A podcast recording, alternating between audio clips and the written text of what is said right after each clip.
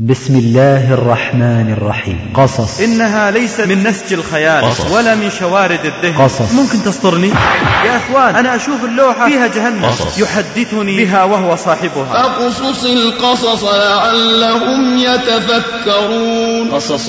لا تأخذ المرأة. لم تسمع بها. فإذا بي أدخل المجلس فتوقفت الأنفاس. من هذا؟ فلان. سموت بالدين عن دنيا الدناءات اللهم إن كنت تعلم أني ما تبت إلا من أجل الدنيا فلا تقمني من مكان هذا. وإن كنت تعلم أني ما تبت إلا من أجل مرضاتك وابتغاء ما عندك اللهم فتقبلني من التائبين. نعم. سموت بالدين عن دنيا الدناءات رفعت رايات إقبال وإخبات.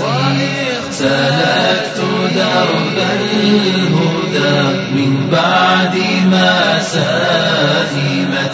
رجلي من السير في وحل الملذات. الآن الآن وليس غدا. تسمع بها. اسمع يا من تقول لا أستطيع الثبات على الدين. اسمع يا من تقول أجد مضايقة. اسمع يا من تقول أجد فتن. هذه المرأة ثلاثين سنة. في بيت مظلم وهي على الطاعة.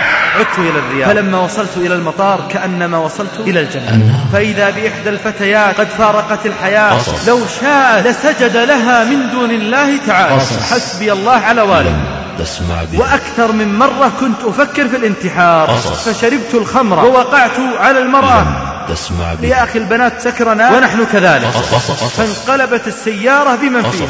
خذ نصف هذه الحبة حتى لا تنام وتصل إلى بيتك. فنظرت إلى السائق الشاب. قال فوجدته بعيدا عن السيارة. وهو غارق في دمائه. يا الله. إن حادثا عظيما رأيته للتو لا أبشع منه. قد كنت أنظر في الشاشات أحسابها تزيل همي وأحزاني ولوعاتي كم من الناس يموت وهو معرض عن الله عز وجل. قد لا يكون يصلي. من ينفع؟ من يدافع عنه؟ من يصلي عنه؟ من يصوم عنه؟ بل من يتوب عنه؟ من يكون معه في قبره؟ واحذر أن تكون خاتمتك على غير طاعة. تسجيلات نور الهدى للشريط الإسلامي. تقدم قصص لم تسمع بها. قصص لم تسمع بها. محاضرة لفضيلة الشيخ تركي بن عبد الله الغامدي. الحمد لله رب العالمين ولي الصالحين وأرحم الراحمين ولا عدوان إلا على الظالمين والعاقبة للمتقين. اللهم رب صل وسلم وزد وبارك على عبدك ورسولك محمد. وعلى آل بيته الطيبين الطاهرين وصحابته الحنفاء الميامين ومن تبعهم بإحسان واهتدى بهديهم إلى يوم الدين. اللهم آت نفوسنا تقواها وزكها أنت خير من زكاها أنت وليها ومولاها. أحبتي في الله السلام عليكم جميعا ورحمة الله وبركاته. هذه معاشر الإخوة والأخوات مجموعة قصصية. إنها ليست من نسج الخيال ولا من شوارد الذهن بل هي من الواقع المعاصر. جمعتها وأحببت أن يستفيد منها من سمعها. عسى الله أن يجعلها قربة بين يديه. تنجي العبد يوم لا ينفع مال ولا بنون إلا من أتى الله بقلب سليم. وكنت في ذلك كله متأسيا بكتاب ربنا جل وعلا. أليس الله جل وعلا يقول؟ لقد كان في قصصهم عبرة لأولي الألباب. وقال الله جل وعلا فاقصص القصص لعلهم يتفكرون. ثم تأمل ما كان يفعله صلى الله عليه وآله وسلم من ذكر تلك القصص العظيمة في صحيح سنته الشريفة الطاهرة والتي أصبحت عبرة وما تزال الأمة تستفيد من هذه القصص في تسيير شؤونها. أيها الإخوة والأخوات وهذه القصص وقفت عليها بنفسي إلا بعضا منها قد سقتها بسندها من الثقات الذين ذكروها لي وإنما أذكر ذلك لعل الله أن يجعل في هذا خيرا وتيقيظا للناس وتذكيرا للغافل لعلها أن ينفع الله عز وجل بها قلوبا مظلمة ونفوسا بعيدة بل وتنتفع بها كل النفوس حتى الطاهرة فإن القصص بها خير عظيم. ما هي والله إلا بعض القصص التي أردت أن أجعلها بين يدي السامع علها أن توقظ همته وتقود خطوات نفسه إلى الخير والصلاح. فكم والله فكم والله من قصص يسر الله بها عظة وعبرة. فأحيا الله بها القلوب وقادها إلى الخير والهدى. فلله كم له من نفحات على أولئك الذين قد يئس الناس منهم لكن رحمة الله الواسعة تداركتهم. ربما كان السبب سماع لقصة أصابت هدفا في قلب هذا السامع. أحبتي الكرام وإليكم دون إملال في المقدمة إليكم هذه القصص. أولها شاب يحدثني بها وهو صاحبها. قال كنت شابا في وظيفة طيبة وفي أحد المناطق من مناطق المملكة وكان هذا الشاب شديد البر بوالديه حتى أن والده كان يفتخر به لشدة بره به وأخلاقه وسجياه الحسنة.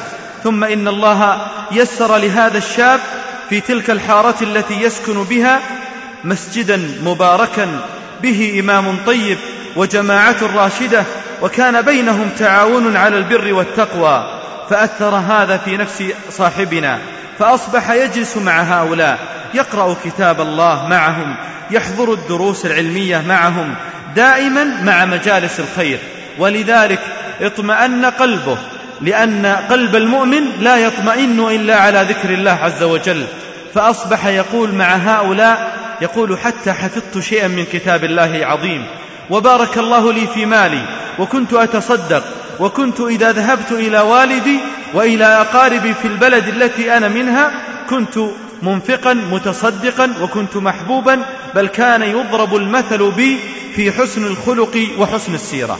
قال ثم أصبح هناك تشكيل في عملي فنقلت إلى منطقة أخرى وغاب عن ذهني. وتأمل أيها الأخ المبارك. قال وغاب عن ذهني أنني فقدت صحبتي الصالحة وإخواني في الله الذين كانوا يذكرونني بالله. إذا غفلت ويعينونني على الطاعة ويساعدوني على المعروف وينهوني عن المنكر. قال ذهب ذلك عن بالي وكنت أتصور أني أنا ذلك الشاب المستقيم لا يغير ذلك في مجرى حياتي. قال وكانت أولى الخطوات الناس الذين كنت أعمل معهم في ذلك العمل وكانت البداية بالدخان. قال صاحبي هذا الذي كنت أعمل معه في ذات المكتب؟ قال كان مدخنا شديد الشره بالتدخين. قال شيئا فشيئا حتى استطاع أن يوقعني في التدخين. بعد مضي مدة هذه حبائل السوء هؤلاء هم أصدقاء السوء. قال وبعدها أصبحت أستمع للأغاني ثم خف اهتمامي بالصلاة فأصبحت أصليها في بيتي أحيانا وفي المسجد أحيانا أخرى ثم تطور الأمر فأصبحت أحيانا أفوت وقت هذه الصلاة وأصبح الأمر أشد من ذلك بكثير. أصبح أهلي في بيتي قد تغير الأمر عليهم. أين فلان؟ الحريص على الخير المتبسم صاحب الطاعة. تغير سلوكه وحاله وكان أول ما تغير في أنفسهم ونظرتهم إلي بل والله أحسست ذلك في نفسي الصلاة. نعم أحبتي في الله إنها الصلاة وهذا يدل يا إخوة الكرام ويا أيتها الأخوات يدل على عظم هذه الفريضة العظيمة. الصلاة كم لها في النفوس من أثر حينما تطبق وكم تفتك المعاصي بالنفس حينما تضعف الصلاة. قال وذات يوم لا أنسى ذلك اليوم. كان يوم أربعاء وكنت ذاهبا إلى البلد التي أنا منها فلما أردت الذهاب وكنت متعبا قال لي صاحبي إني أرى بك من التعب وأخشى عليك في الطريق خذ نصف هذه الحبة حتى لا تنام وتصل إلى بيتك. قال فقلت يا فلان لا يكون فيها مخدرات. قال لا. أتتوقع أن يكون مني هذا الأمر؟ يا رجل هذه مجرد منشطات وهكذا هم يسمونها بغير اسمها. إنه لو ذكر لصاحبنا أنها مخدرات مفسدة للدين مفسدة للقيم مفسدة للأمانة صدقوني لن يأخذها. لكن حينما برد صاحبه الأمر عليه وسمى الأمر بغير اسمه أثر هذا في نفس هذا الإنسان. وانصاع وانجر وتذكروا وتأملوا. إن هذه المعصية لم تكن الأولى. ألم يكن ضعيفا في الصلاة ودخن وسمع الأغاني؟ تلكم المعاصي يجر بعضها بعضا. قال فأخذت نصف الحبة هذه وذهبت إلى والدي وقطعت الطريق وأتيت وأردت أن أنام ما استطعت. في الليل كله سهران بسبب هذا. وفي الصباح قام والدي ما نمت يا فلان؟ قلت لا لم أنم. فاستمريت على ذلك اليوم فوقع في نفسي أن في الأمر شيء واستمر الأمر إلى يوم الجمعة وكان الأمر قد تغير على والدي وكان حفظه الله به رعاية لابنه قال فلما ودعته تغير وجهه علي ولكنني لم أكلمه وعدت إلى البلد التي أعمل بها. قال فلما عدت قال لي صاحبي ما صنعت؟ وقد نمت نوما عظيما بعد عودتي قلت والله ما نمت يا فلان. فلما كان من الأربعاء الذي يليه قال خذ هذا النصف الآخر حتى لا يكون عليك في الطريق شيء.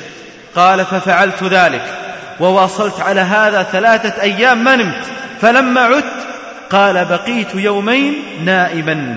نسأل الله العافية. قال وعدت إلى عملي بعد ذلك اليوم ونمت نوما عميقا. ثم لما كان نهاية الأسبوع قال لي صاحب السوء مرة أخرى خذ النصف الآخر حتى لا تنام. قال وبالفعل أخذت هذا النصف وكنت ذاهبا إلى والدي مرة أخرى واستمر الأمر على هذه الوتيرة. ولكن يقول حز في نفسي أنني لما نمت فاتني يومين لم أصلي لله عز وجل في هذين اليومين ركعة. قال والله لقد كان أول مرة يمر علي هذا الأمر. يا لها من مصيبة يا لها من خسارة إنه لم يصلي. إنه لم يستعن بما أمر الله عز وجل أن نستعين به وهي الصلاة. ألم يقل ربنا جل وعلا في ندائه لعباده المؤمنين؟ يا أيها الذين آمنوا استعينوا بالصبر والصلاة. إن الله مع الصابرين. الله أكبر. الله أكبر. إن الله مع الصابرين. لقد فقد هذا القوة العظيمة لقد كانت عنده الصلاة فلما فقدها خارت قواه. قال فعدت وتبدلت الأحوال لدي فأيقنت أنني قد انزلقت في أمر عظيم. وازددت تعاطيا. قال حتى تبدلت أحوالي وتنكر الأمر لدي عند أهلي بل عند الناس جميعا. قال كنت والله أخرج أحيانا وأبكي مما بي من القهر ومن الأسى على ما آل إليه أمري. قال ومع مضي الوقت عدت إلى البلد التي أنا منها وأصبح الناس ينظرون إلي بنظر ريبة وأصبح أبي الذي كان يرفع رأسه بي أصبح ينكس رأسه بين الناس. قال فلما اشتد الأمر علي قال لي أبو زوجتي فقد طلقت زوجتي الأولى وتزوجت من جديد. قال يا فلان لا تأخذ المرأة إنك لست كفءا لها دعها حتى تكون رجلا. فقلت يا عمي قال ليس هناك إلا ذلك. قال حينها شعرت أني قد فقدت كل شيء فقررت أن أنتقل من هذه البلدة إلى بلدة أخرى ظنا مني أن الأمر سيتحسن فدفعت مالا حتى أنتقل وذهبت إلى تلك البلاد وليتني لم أذهب. لقد ازداد الأمر سوءا لأنني لم أغير بعد السبب وهو الصحبة الصالحة. لم أذهب إلى صحبة صالحة. قال انطلقت إلى بلد أخرى وأصبح الأمر أشد ضراوة واستخدامي للمخدرات أشد وأصبح راتبي الذي كنت أتصدق به وأصل به والدي وأتمتع به فيما أحل الله أصبحت أنفقه على هذه الأمور الخبيثة. قال فازداد الأمر سوءا ثم أصبحت مضطرا للشراء والبيع فأصبحت أبيع على زملائي في العمل هؤلاء وأنشره بينهم فأصبحت منبوذا بينهم لا ينظر أحد إلي بنظر إكرام وإجلال ولا أعرف إلا هؤلاء السيئين. أما الأخيار فكل من رآني حمد الله وذهب قال وكنت إذا أتيت إلى أهلي لا أجد من الناس الأخيار من يستقبلني. قال اضطررت أن أوقع بعض أقاربي في المخدرات. بني قومي وأبناء عمومتي والناس من حولي أصبحوا في حبائل المخدرات. لماذا؟ من أجل أن أكسب هذا المال الرخيص المأفون لأنفقه فيما حرم الله.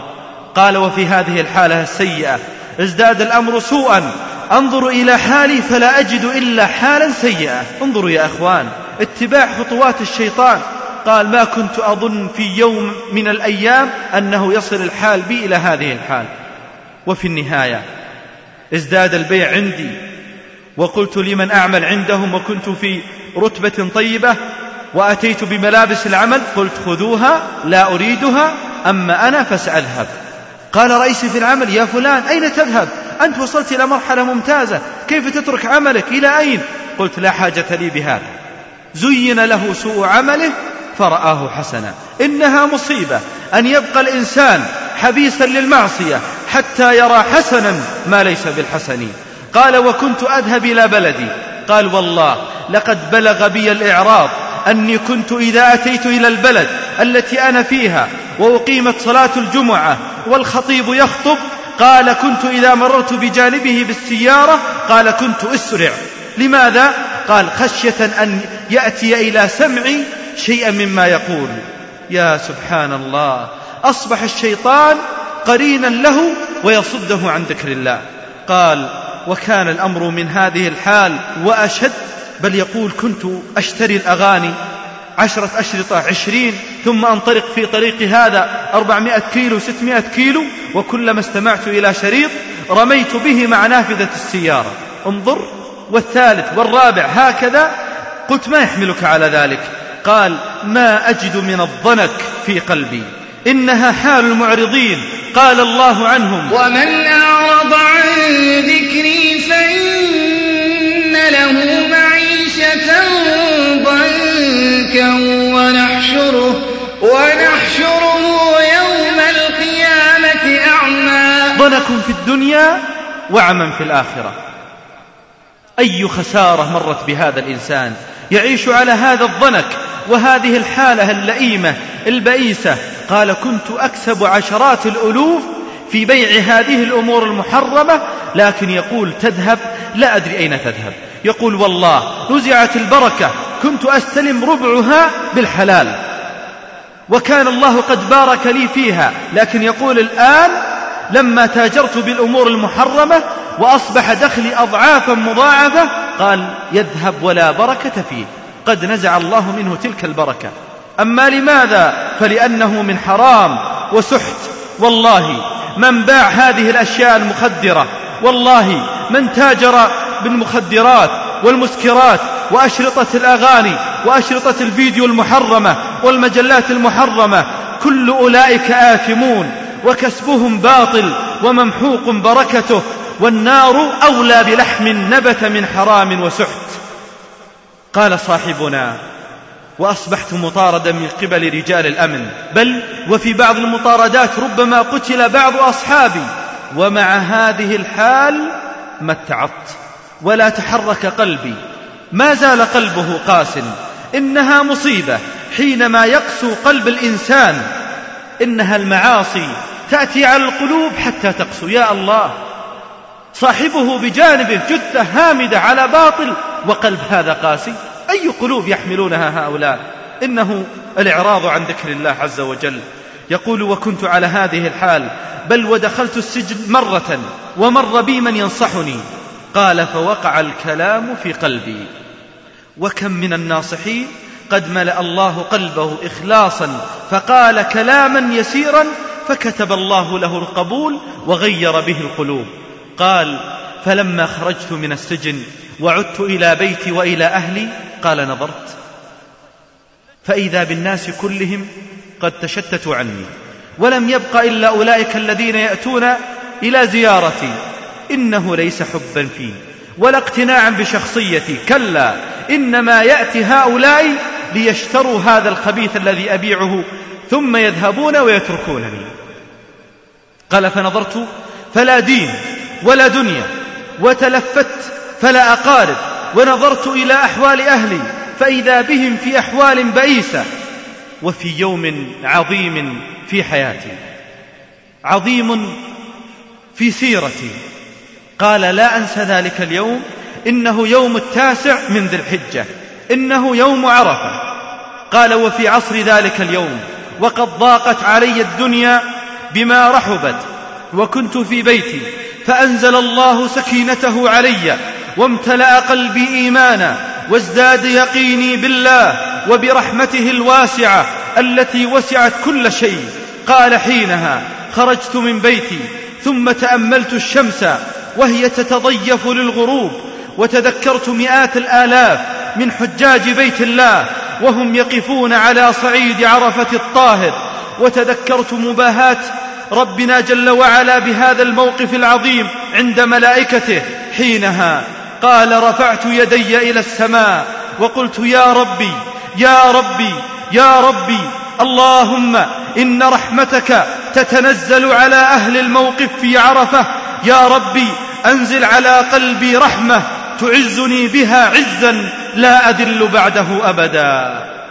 قال فوالله ما هو إلا أن قلت هذا الدعاء حتى انسكب من عيني دموعا ساخنة ونزع الله من قلبي حب هذه المخدرات الخبيثة كما تنزع الشعرة من العجين. فقمت إلى بيتي وقد انشرح صدري. فلما أتى أصدقاء السوء قلت والله لا تجدون عندي ما تريدون بعد اليوم. فلا أراكم ولا تروني. وكان في البلد من الشباب الصالحين. فناديت بعضهم وقلت أين أقاربنا الليلة؟ قالوا إن فلان بن فلان في بيته هذا اليوم حفل بمناسبة بيته الجديد وقد جمع أهل القرية جميعا.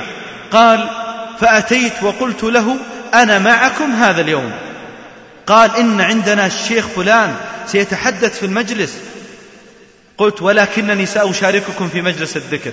فاستبشر الرجل وتهللت أسارير وجهه وذهب. قال لأصحابه الذين يعدون البرنامج إن لدي مفاجأة. قال فلما كان في المساء وقد اجتمع الناس الرجال في مجلس الرجال والنساء بمعزلهن في مجلسهن وقد وضعت المكبرات للصوت وقد تهيأ الشيخ للحديث وهكذا الأسر المباركة. إذا اجتمعت اجتمعت على الذكر والعمل الصالح والتواصي بالمعروف والحق. قال فلما اكتمل المجلس وتأهب الشيخ في وسط المجلس وقد تزين بمشلحه فإذا بي أدخل المجلس. فتوقفت الأنفاس. من هذا؟ فلان. ماذا يريد في مجلس الذكر؟ فلان الذي لا نعرفه إلا في معصية. ماذا يريد هذا المساء؟ قال فجلست بجانب الشيخ. ثم قدم المقدم قال أيها الإخوة أما الآن فمع مفاجأة الحفل. الأخ فلان يتحدث إليكم. فانشدها الناس إلي وانشدوا إلي. قال فقمت والناس ينظرون ماذا عساه أن يتكلم. قال فلما وقفت أمام اللاقط للصوت حمدت الله وأثنيت عليه ثناء عظيما وصليت على رسوله صلى الله عليه وسلم. يقول والله لقد فتح الله علي من المحامد ما لم يكن في بالي. حتى إني بقيت ما يقرب من الربع ساعة أثني على الله المستحق للثناء. ثم قلت أيها الناس أما إني قد كنت في طريق لا يسر ولم يكن لأحد أن يسير فيه لا أقول ذلك افتخارا. أما اليوم فإني أعلنها لكم جميعا أنني كنت على طريق ضلال وعلى طريق بعيد عن الله جل جلاله وإني أتوب إلى الله اللهم إن كنت تعلم أني ما تبت إلا من أجل الدنيا فلا تقمني من مكان هذا وإن كنت تعلم أني ما تبت إلا من أجل مرضاتك وابتغاء ما عندك اللهم فتقبلني من التائبين. ثم قال للناس قولوا آمين فقال الناس آمين.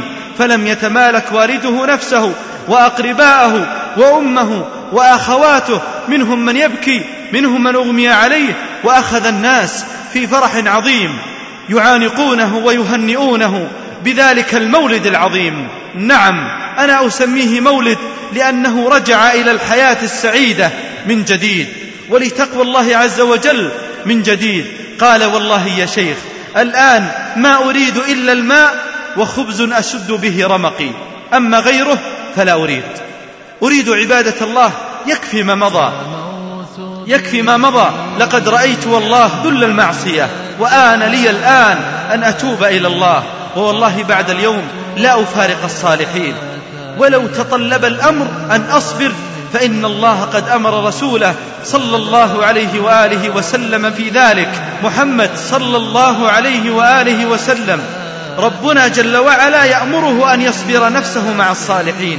أخي في الله يا من أردت الثبات على الاستقامة صاحب الصالحين وإياك ثم إياك ثم إياك أن تصاحب فاسقا. أخيتي المسلمة أختي الصالحة أيضا. إذا أردت الثبات على هذا الدين والتلذذ بلذة الإيمان عليك بالصالحات التقيات وإياك من الفاسقات الفاجرات هذه قصة هذا الشاب الذي كان في يوم من الأيام مروجا ثم أصبح عابدا وداعية.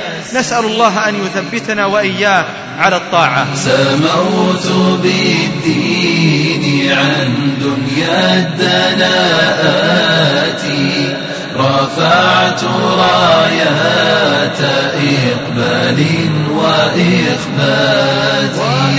سلكت درب الهدى من بعد ما سائمت رجلي من السير في وحل الملذات. وهذا شاب في ذات مرة بعد أن انتهيت من إلقاء محاضرة قال إني أريد أن أحدثك لكن لنكن لوحدنا. فقلت لا بأس. فلما جلست وإياه قال إني قد تأثرت بما سمعت آنفا وإني والله لا أريد إلا التوبة. فقلت حسنا صنعت فهذا هو القرار الرجولي العظيم. فافرح يا أخي المسلم بتوبة الله عز وجل وأقبل على الله وأبشر بالخير. وأثناء حديثي إليه عن فضائل التوبة إذا به يهز رأسه ويطرق به إلى الأرض ويرفعه ويفعل ذلك مرارا حتى استغربت ثم قال لي يا شيخ بلهجته العامية. قال ممكن تسطرني قلت نعم. أأنت جاد؟ قال نعم أنا جاد. قلت إذا ما يحملك على هذا. قال أنا أحدثك الآن وأنا في حالة سكر وأنا أركز قليلا ويذهب عقلي أحيانا أخرى وأنا والله أريد الخير. قال فاضرب رأسي لعلي أفيق ثم أنتبه لكلامك. فعجبت والله لأول مرة أرى مثل هذا المشهد. ففعلت ما طلب ثم رفع رأسه قال نعم أسمع فتحدثت إليه وقلت كم عمرك؟ قال عمري ثمانية عشر عاما. قلت ثمانية عشر عاما وأنت على المسكر؟ كيف لو رآك والدك؟ وأنت على هذه الحال؟ قال والدي حسبي الله على والدي. قلت يا ابني ما يصلح؟ قال حسبي الله على والدي. فسكت ثم قلت ولماذا؟ قال أصلا الذي علمني هذا الأمر والدي. قلت والدك يشرب الخمر؟ قال نعم. وأخي وأعمامي وأنا على هذه الحال منذ زمن. قال وقد تستغرب ما في البيت إلا أمي ثم ذرفت عيناه. قال هي المرأة الصالحة الوحيدة. قال والله إنها مع والدي ما يقرب من ثلاثين عاما. ووالدي على هذه الحال والأسرة على هذا الإعراض إلا هي. وإن كان والدي يذهب بنا إلى بعض المراقص عافانا الله وإياكم في غير هذه البلاد الطاهرة قال ويدخلها ويجبر والدتي على الدخول فكانت إذا جلست أطرقت برأسها وقالت سبحان الله الحمد لله لا إله إلا الله الله أكبر وتكرر ذلك حتى ننقضي نحن من العبث ثم نخرج وهي على الطاعة. اسمع. اسمع يا من تقول لا أستطيع الثبات على الدين. اسمع يا من تقول أجد مضايقة. اسمع يا من تقول أجد فتن. هذه المرأة ثلاثين سنة في بيت مظلم وهي على الطاعة وهي على الثبات وهي على الاستقامة. عجبا لأمرها إنها امرأة عظيمة. قال إني أريد أن أتوب إلى الله لعل الله أن يقر عين والدتي بي. فقلت له وما أمرك غير الخمر. فذكر لي أن عنده من الظلم والفواحش والسرقة والموبقات وذكر وذكر فقلت هل تصلي؟ قال لا منذ أربع سنين لا أصلي إلا في المدرسة وبلا وضوء. فقلت عجبا لا تصلي أربع سنوات؟ إذا فلا ضير أن تفعل هذه الموبقات لأنك لا تصلي. ألم يقل ربنا جل وعلا إن الصلاة تنهى عن الفحشاء والمنكر؟ شخص لا يصلي كيف لا يقع في المنكر؟ يا أخي الصلاة هي التي تقيك يا أخي الصلاة هي التي تحول بينك وبين هذه الموبقات. رجل يصلي في الجماعة بخشوع في وقتها هو بحمد الله محروس من هذه الموبقات. لكن إذا أعرض عن الصلاة فتحت عليه أبواب الفواحش والمنكرات. فقلت لهذا الشاب إن كنت جادا فالآن تصلي. وأريدك أيضا أن تترك الخمر وتقلع عن الفواحش. وبعد أسبوع أراك إن كنت جادا.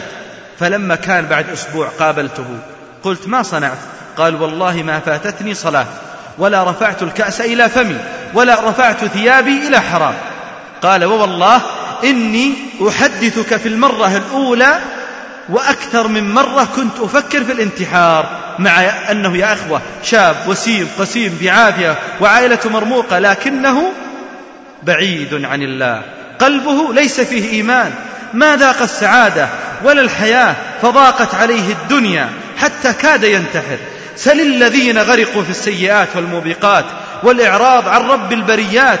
والله إن قلوبهم لتلتهب وإن أنفسهم لتتوقد من الفتن وتقودهم إلى الانتحار. لأن الله هو الذي خلق هذه النفوس وهذه القلوب وجبلها على الطاعة ولا تأنس إلا بذكر الله والعمل الصالح. فقلت لصاحبي إذا عليك أن تغير صحبتك السابقة وسيعوضك الله بصالحين. وبعد أسبوع أراك. فرأيته وقد بدل صحبته قال وتركت الأغاني؟ قال وأبشرك أنني الآن أقرأ في اليوم أقل ما يكون جزء من كتاب الله. وأصلي السنن الرواتب وأعمل من الصالحات ما يكون إن شاء الله بيني وبين ربي. وأجد من السعادة شيئا عظيما لو حيزت لي الدنيا لا تساوي هذه السعادة. ولم أجدها إلا في هذه الطاعة. يا الله ما أوسع رحمتك وما أعظم فضلك. قبل شهر يكلمني هذا الشاب وهو سكران. والآن يقوم الليل بالطاعة وقد تهلل وجهه كأنه المذهب. واليوم يا إخوتي أقبلت في آسف. أعلنتها توبة قبل النهايات. عرفت معنى حياة الخير يا قومي. وجدت يا إخوتي طعما لطاعاتي. إنه نور الإيمان. إذا أتى إلى القلوب جعلها قلوبا مطمئنة.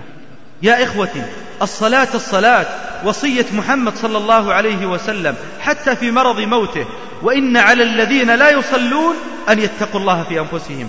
وإن على الذين يهملون الصلاة أن يراقبوا الله. إن على كل مؤمن فرط في الصلاة أن يخاف سوء الخاتمة. يا إخوة لا حظ في الإسلام لمن ترك الصلاة. تارك الصلاة لا تنفعه شفاعة الشافعين. لا ملك مقرب ولا نبي مرسل. تارك الصلاة لا يزوج ولا يسلم عليه ولا تؤكل ذبيحته ولا يرث ولا يورث ولا يقبر مع المسلمين ولا يغسل. إلى متى يا من تهمل في الصلاة؟ حتى تموت وأنت لا تصلي؟ حتى يختم على قلبك؟ إن الصلاة العهد الذي بينك وبين الله. يا ربي نسألك أن تجعلنا ممن يقيم هذه الصلاة كما أردت سبحانك. وهذه قصة أخرى. ذات يوم بعد صلاة العشاء وقد يممت باب الجامع للخروج بعد أن صليت بالناس وإذا بشاب على الباب سلم علي وكان متردد ولا يظهر منه أثر الاستقامة. بيد أني لمست في عينيه نظرات توحي بالشفقة. فقلت ما شأنك؟ قال أريدك أن تقرأ علي. قلت ولم؟ قال بي مرض. قلت لا وقت لدي الآن ولست متخصص في موضوع القراءة لكن فلان هذا يقرأ علي قال لا أن تقرأ أو أذهب. فقلت في نفسي لعل الله أن يفتح على قلبه. فجلست وإياه وسألته ما السبب؟ قال إني مسحور. قلت عجبا. وكيف سحرت؟ قال إني شاب كما ترى في عافية وصحة وجمال بل ووظيفة طيبة وعائلة كريمة. وكنت مع أصحاب لي وطبيعة عملنا الذي نعمل به يكثر السفر عندنا غير أنني لم أكن مغرما بذلك. وكان من هؤلاء الجلساء من يتحدثون دائما عن السفر فعلنا كذا سافرنا كذا رأينا في البلد الفلانية كذا ورأينا في الشارع الفلاني كذا ومن عادات تلك البلاد كذا. وقال وكانوا يعيبون علي أني لا أسافر ولست مغرما بالسفر. فقلت وما الذي يجبرني على البقاء؟ ولماذا لا أجرب؟ هل أنا ناقص؟ انظر إلى مدخل الشيطان. قال فذهبت وسافرت. فلما بلغت تلك البلاد التي سافرت إليها ويقول والله ما في بالي إلا أن أنظر إلى جمال الطبيعة وأنظر في في شوارعها وبنيانها. قال فلما بلغت تلك البلاد التي سافرت إليها وبعد يوم أو يومين من بقائي هناك قال أخذ الشيطان يغريني بدخول إحدى المراقص أكرم الله السامعين. قال فقلت أدخل أنظر ما بها. فلما دخلت فإذا بالراقصات وإذا بالخمور فوسوس لي الشيطان بعد أن أصبحت فريسة سهلة له. قال فشربت الخمر ووقعت على المرأة. نسأل الله العافية في جريمة الزنا. يا الله يا الله. قال فلما انتهيت وأفقت ضاقت بي الدنيا وشعرت بأني قد أقدمت على عمل عظيم سيما وأنه أول مرة في حياتي أعمل ذلك. قال فوقع هذا الأمر في نفسي موقعا عظيما. فلما كان الأمر كذلك قال مباشرة عدت إلى بلدي. قال عدت إلى الرياض فلما وصلت إلى المطار كأنما وصلت إلى الجنة. من شدة ما أجد من السعادة. يقول خلاص يكفي ما فعلت وقد انكسر قلبي. لكن يقول للأسف بعد أسبوع إذا برأسي يكاد ينفجر. يقول أمي تسألني يا ولدي ما بك؟ قال لا يا أمي لا شيء. فلما ازداد الألم إذا بي أتخيل صورة هذه الفتاة أمامي.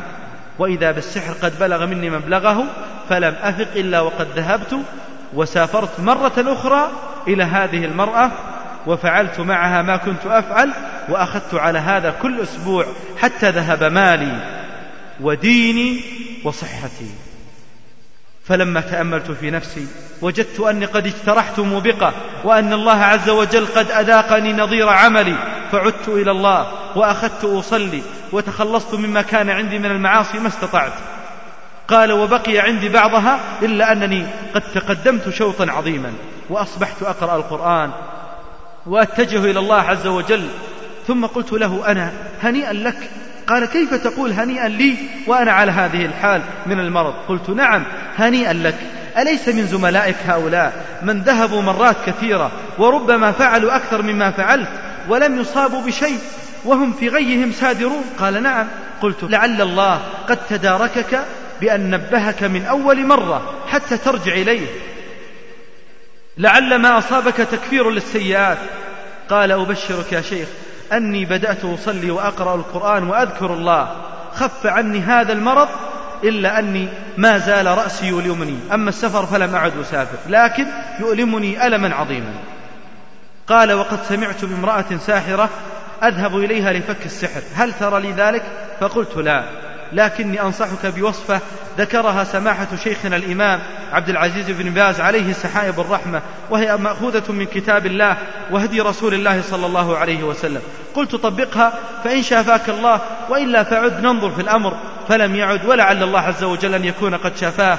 نسأل الله أن يشفي جميع مرضى المسلمين. الشاهد أيها الأحبة الكرام أيها الإخوة والأخوات إنها قضية الأعراض قضية خطيرة جدا. التهاون فيها من أعظم الأمور. لقد أقدم هذا على الجريمة وما كان يعلم أنه سيدفع الثمن غاليا من صحته وماله ودينه. إنها الطهارة التي خدشها.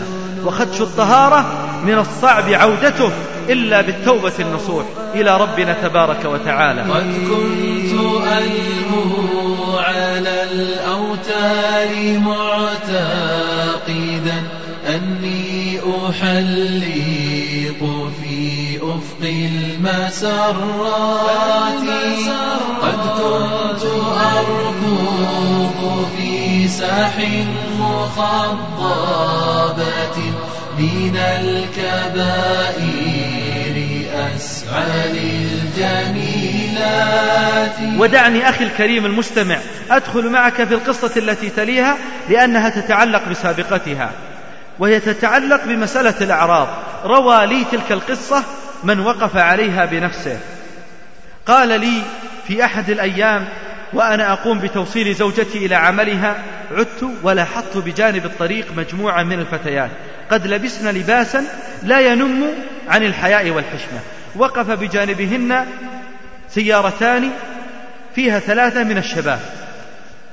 وإذا ببعضهم يحاول إدخال بعض هؤلاء الفتيات إلى السيارة بالقوة قال فوقفت ونزلت وأتيت إلى هذا الفتى وقلت ماذا تفعل؟ قال لا دخل لك في الموضوع. يا أخي اتركنا. قلت لن أترككم. قال يا أخي البنات سكرنات ونحن كذلك. على سكر. فاتركنا. قال فلما شممت رائحة الرجل والمكان والسيارة وإذا فعلا هي رائحة الخمر فاشمأزت نفسي واقشعر بدني. فقلت له لو كان الأمر كذلك فلن أتركه. ألا تتق الله جل وعلا في نفسك؟ يا رجل قال أنا شاب لا دخل لك بي عندي منصب عندي مال اذهب دعنا نتفاهم مع هؤلاء الفتيات. قال فقلت له لا أترككم. فلما كنا كذلك إذا بسيارات أخرى من المارة لما رأوا التجمهر وقفوا حولنا ويبدو أن الفتيات خشين من الفضيحة فركبنا السيارات مع هؤلاء الشباب وانطلقوا جميعا. قال فانطلقنا خلفهم. وساروا. ثم سبحان الله انحرفت السيارة بهم فانقلبت السيارة بمن فيها. قال فوالله لقد رأيت من في السيارة يتطايرون ويتقاذفون مع أبوابها ونوافذها قال فلما أتينا فإذا بإحدى الفتيات قد فارقت الحياة وأختها تبكي عندها وقد فقدت شيئا من أعضائها فنظرت إلى السائق الشاب قال فوجدته بعيدا عن السيارة وهو غارق في دمائه. يا الله! قال فمن كان فيه شيء من رمق الحياة قمنا بنقله إلى المستشفى. وبعدما انتهى الأمر اتضح أن من هؤلاء الفتيات من كن يعاكسن هؤلاء الشباب. من منطقة أخرى تبعد عن هذه المنطقة خمسمائة كيلو. وقد أتينا من تلك المنطقة إلى هذه المنطقة لهذا الفعل القبيح ولهذا الشراب القبيح وهم يجتمعون في تلك الاستراحة. لا بئس ذلك الاجتماع. ثم مات من مات منهم على تلك الخاتمة السيئة. نسأل الله أن يحسن خاتمتنا وخاتمة المسلمين. كانت تصارعني كف الهوى جنوبا فأرتمي بائسا في حضن موجاتي. والله إنها عبرة. انظروا خمسمائة كيلو تسير لمعصية الله عز وجل. أي استهتار بالأعراض أي استهتار بمعصية الله عز وجل؟ هل كان يدور في خلد هذه الفتاة أنها ستموت على معصية الله؟ ومع هؤلاء السكارى؟ والله لو كانت تثق بذلك ما فعلت إلا أن يشاء الله. إنها معضلة الإعراض عن ذكر الله وعن مراقبته وعن الاستعداد للقائه. ولما كانت هذه حال الفتاة كانت هذه خاتمتها. نسأل الله أن يعفو عنا وعنها وعن المسلمين. وهذا والله فيه من العظة والعبرة ما يجعل كل شاب وفتاة يفكر ألف مرة قبل أن يعتدي على عرض بمكالمة أو برقم أو عن طريق إنترنت أو عن طريق الأسواق. بعض الشباب والشابات يقولون هكذا. نضيع أوقات ما نقصد. لكن هذه خطوات الشيطان خطوة خطوة حتى يقعون في الموبقات من الزنا واللواط. أعوذ بالله من ذلك. إنها الموبقات التي تهتز لها الجبال ويقف القطر بسببها. القصة التي تليها. شاب قابلته فقال لي مجموعة من الإخوة وكنت في إحدى المناطق لإلقاء محاضرة قالوا لي إن هذا الشاب تائب لكن أمره عجيب فاستمع منه وهو يريد التوبة فأتى إلي فإذا بوجه مظلم. قلت ما خبرك؟ قال اسمع إنه ما بقي من معصية أعرفها إلا وقد وقعت فيها. قل ما شئت فهذا موجود عندي. قلت يا رجل اتق الله. قال والله هذه الحال. أما الصلاة فقد تركتها وأما الوالدين فعققتهما وأما السرقة فقد أصبحت من هؤلاء والمخدرات قال بيعا وتعاطيا والفواحش بأنواعها والظلم للناس والمنكرات. قلت يكفي هذا يكفي هذا. قلت له اسكت. والله لولا أن رحمة الله وسعت كل شيء لقلت كيف تتوب ولكني تأملت قول الله عز وجل قل يا عبادي الذين أسرفوا على أنفسهم لا تقنطوا من رحمة الله إن الله يغفر الذنوب جميعا إنه هو الغفور الرحيم. فقلت له أبشر يا أخي الكريم إن كنت تائبا. قال ألا تستمع لهذا الموقف؟ قلت بلى. قال ذات يوم كنت أكلم إحدى الفتيات. قال وكنت أخاف أن تتركني إلى شاب آخر. فكنت أذكر لها من الكلام لعلي أن أميل قلبها إلي. قال حتى بلغ بي الأمر. أني قلت لها ولا أستطيع أيها الإخوة أن أنصب الضمير إلى نفسي. قال قال لها لو شاءت لسجد لها من دون الله تعالى. لا إله إلا الله لا إله إلا الله. ما أرحمه بخلقه ما أرأفه بخلقه سبحانه وبحمده. وصل الرجل إلى حد قد يكون وقع في الشرك بالله عز وجل. فقلت له إن كنت جادا فأبشر بخير. إن الله يبدل سيئاتك إلى حسنات وإن الله عز وجل يرفع درجتك وإن الله يحبك. قال يحبني ربي؟ قلت نعم. إن الله عز وجل يقول إن الله يحب التوابين ويحب المتطهرين. يحبك رب العالمين. إذا كنت تائبا قال وما أصنع الآن؟ قلت الصلاة الصلاة.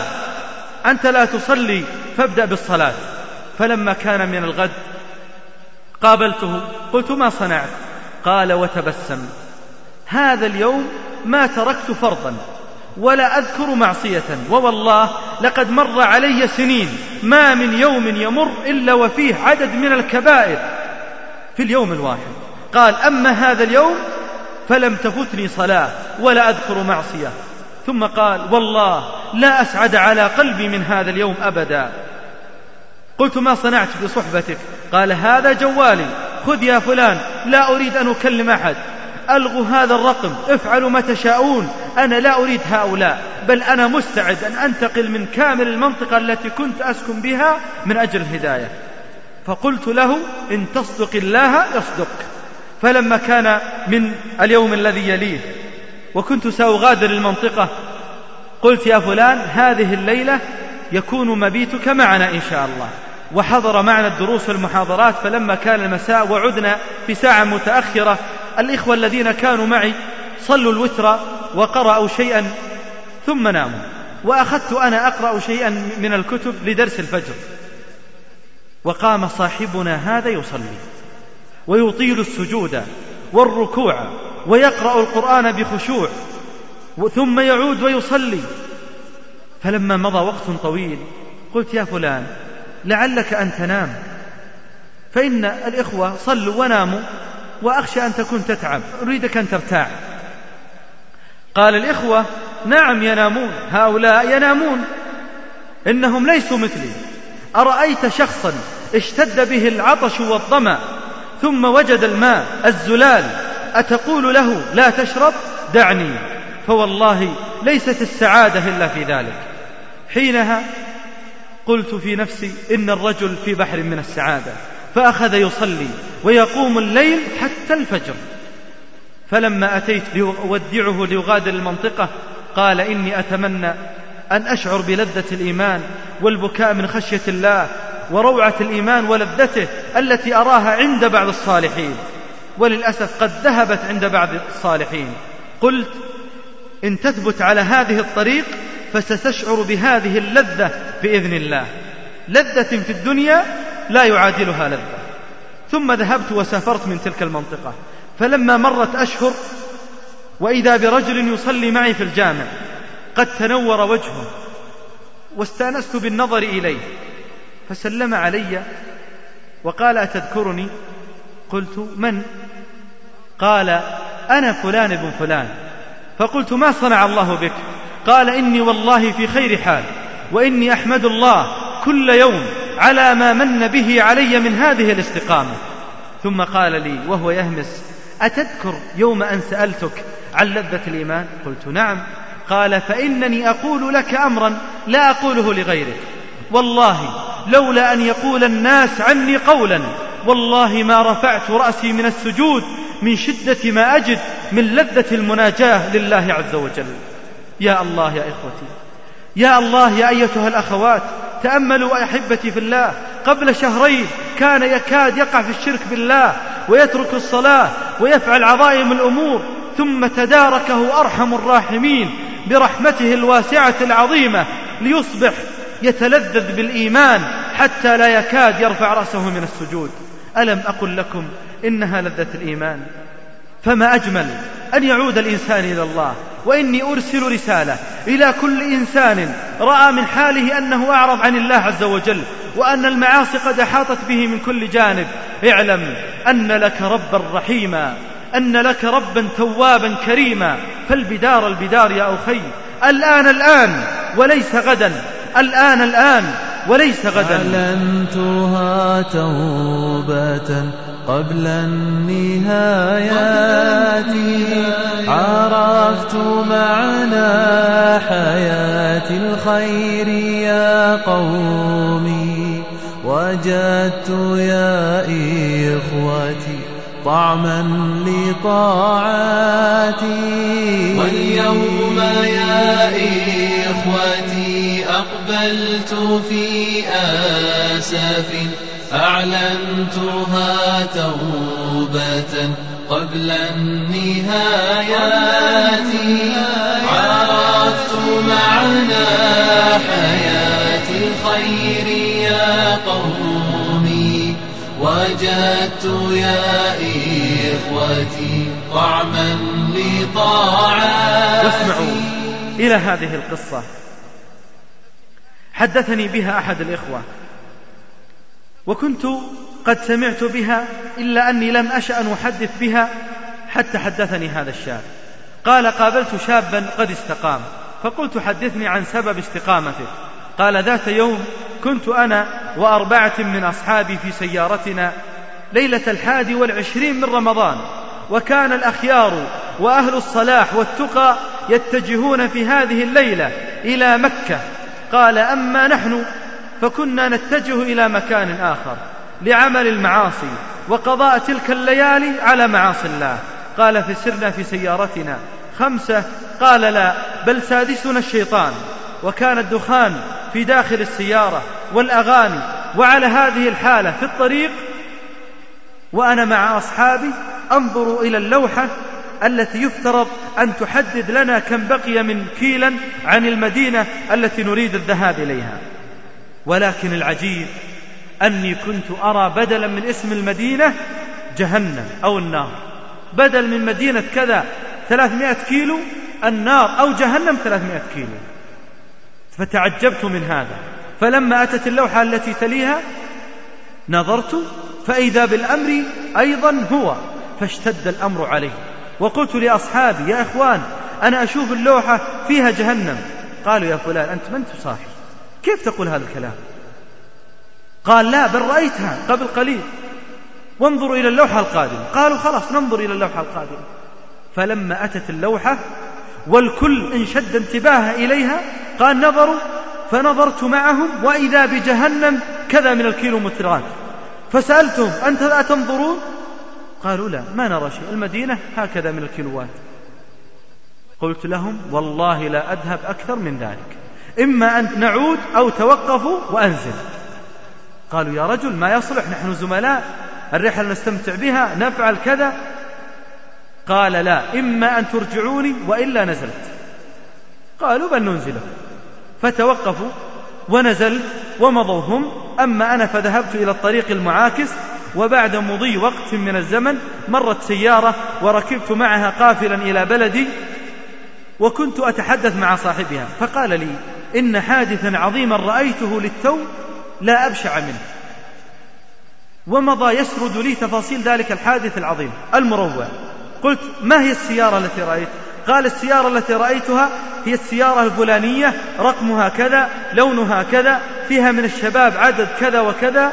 وقد ذهبوا جميعا وماتوا في ذات اللحظة.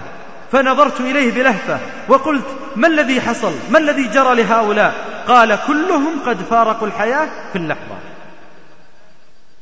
فقلت له وقد ذهبت كل قواي إن هؤلاء أصحابي وحدثتهم بخبرهم وحينها أعلنت توبتي إلى الله وحمدت الله حمدا عظيما على أن يسر لي أن لم أكن على تلك الخاتمة السيئة ولم أكن مع هؤلاء نسأل الله أن يغفر لهم ولجميع موتى المسلمين. يا إخوة إنها الخاتمة. كم من أناس خاتمتهم سيئة. يموتون حينما يموتون وهم يسمعون حراما أو ينظرون إلى حراما أو يفعلون حراما. كم من الناس يموت وهو معرض عن الله عز وجل. قد لا يكون يصلي. من ينفعه؟ من يدافع عنه؟ من يصلي عنه؟ من يصوم عنه؟ بل من يتوب عنه؟ من يكون معه في قبره؟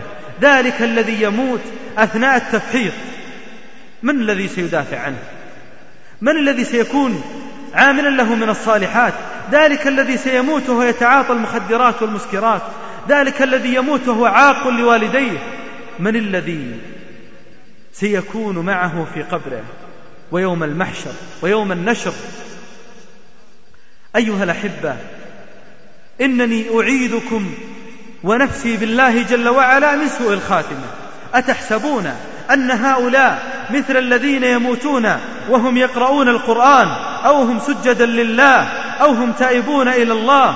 حدثني أحد الإخوة أنه في ليلة من ليالي رمضان رأى رجلا صالحا يصلي فلما سجد لله تعالى قبض الله روحه وهو ساجد. ويدخل في قبره وهو ساجد ويبعث بإذن الله يوم القيامة وهو ساجد. إنها الخاتمة الحسنة. أيحسب الشباب الذين هم في إعراض عن الله عز وجل أن يكونوا مثل الشباب الصالحين. أولئك الذين يعرفون الصلاة والصوم والاعتكاف والتسبيح والصف الأول وحلق العلم والدعوة إلى الله. لا أيها الشاب الصالح لا تستهين بما أنت عليه من الطاعة. ويا أيها الشاب الفاسق لا تتهاون بما أنت عليه من المعصية. واحذر أن تكون خاتمتك على غير طاعة. اللهم إنا نسألك حسن الخاتمة ونعوذ بك من سوء الخاتمة. اللهم اجعل عاقبة أمورنا إلى خير. اللهم حبب إلينا الإيمان وزينه في قلوبنا وكره إلينا الكفر والفسوق والعصيان واجعلنا من الراشدين. اللهم يا ربي تب على التائبين. اللهم يا ربي تب على التائبين وثبت عبادك المهتدين. ربنا نعوذ بك من الضلال بعد الهدى ومن الحور بعد الكور. اللهم إنا نسألك الهدى والتقى والعفاف والغنى والفوز بالجنة والنجاة من النار. اللهم تقبل منا إنك أنت السميع العليم وتب علينا إنك أنت التواب الرحيم. وصلى الله وسلم وبارك على نبينا محمد وعلى آله وصحبه أجمعين. والسلام عليكم ورحمة الله وبركاته. إقبال وإخبات سلكت درب الهدى من بعد ما سائمت رجلي من السير في وحل الملذات. سموت بالدين عن دنيا الدناءات رفعت رايات إقبال وإخبات. سلكت درب الهدى من بعد ما سائمت رجلي من السير في وحل الملذات أبصرت نورا أضاء القلب فانشرحت أرجاء صدري وطارت للعلا ذاتي قد كنت أحيا على التفريط مشتملا ليل الذنوب أقضي فيه سوآتي قد كنت ألهو على الأوتار معتقدا أني أحلق في أفق المسرات قد كنت أركض في ساح مخضبة من الكبائر أسعى للجميلات قد كنت أنظر في الشاشات أحسابها تزيل همي وأحزاني ولوعاتي. كانت تصارعني كف الهوى جنوبا فأرتمي بائسا في حضن موجاتي. سموت بالدين عن دنيا الدناءات رفعت رايات إقبال وإخبات سلكت درب الهدى من بعد ما سائمت. رجلي من السير في وحل الملذات. واليوم يا إخوتي أقبلت في آسف أعلنتها توبة. قبل النهايات عرفت معنى حياة الخير يا قومي. وجدت يا إخوتي طعما لطاعاتي. واليوم يا إخوتي أقبلت في آسف. أعلنتها توبة قبل النهايات. عرفت معنى حياة الخير يا قومي. وجدت يا إخوتي طعما لطاعاتي. سموت بالدين عن دنيا الدناءات رفعت رايات إقبال وإخبات.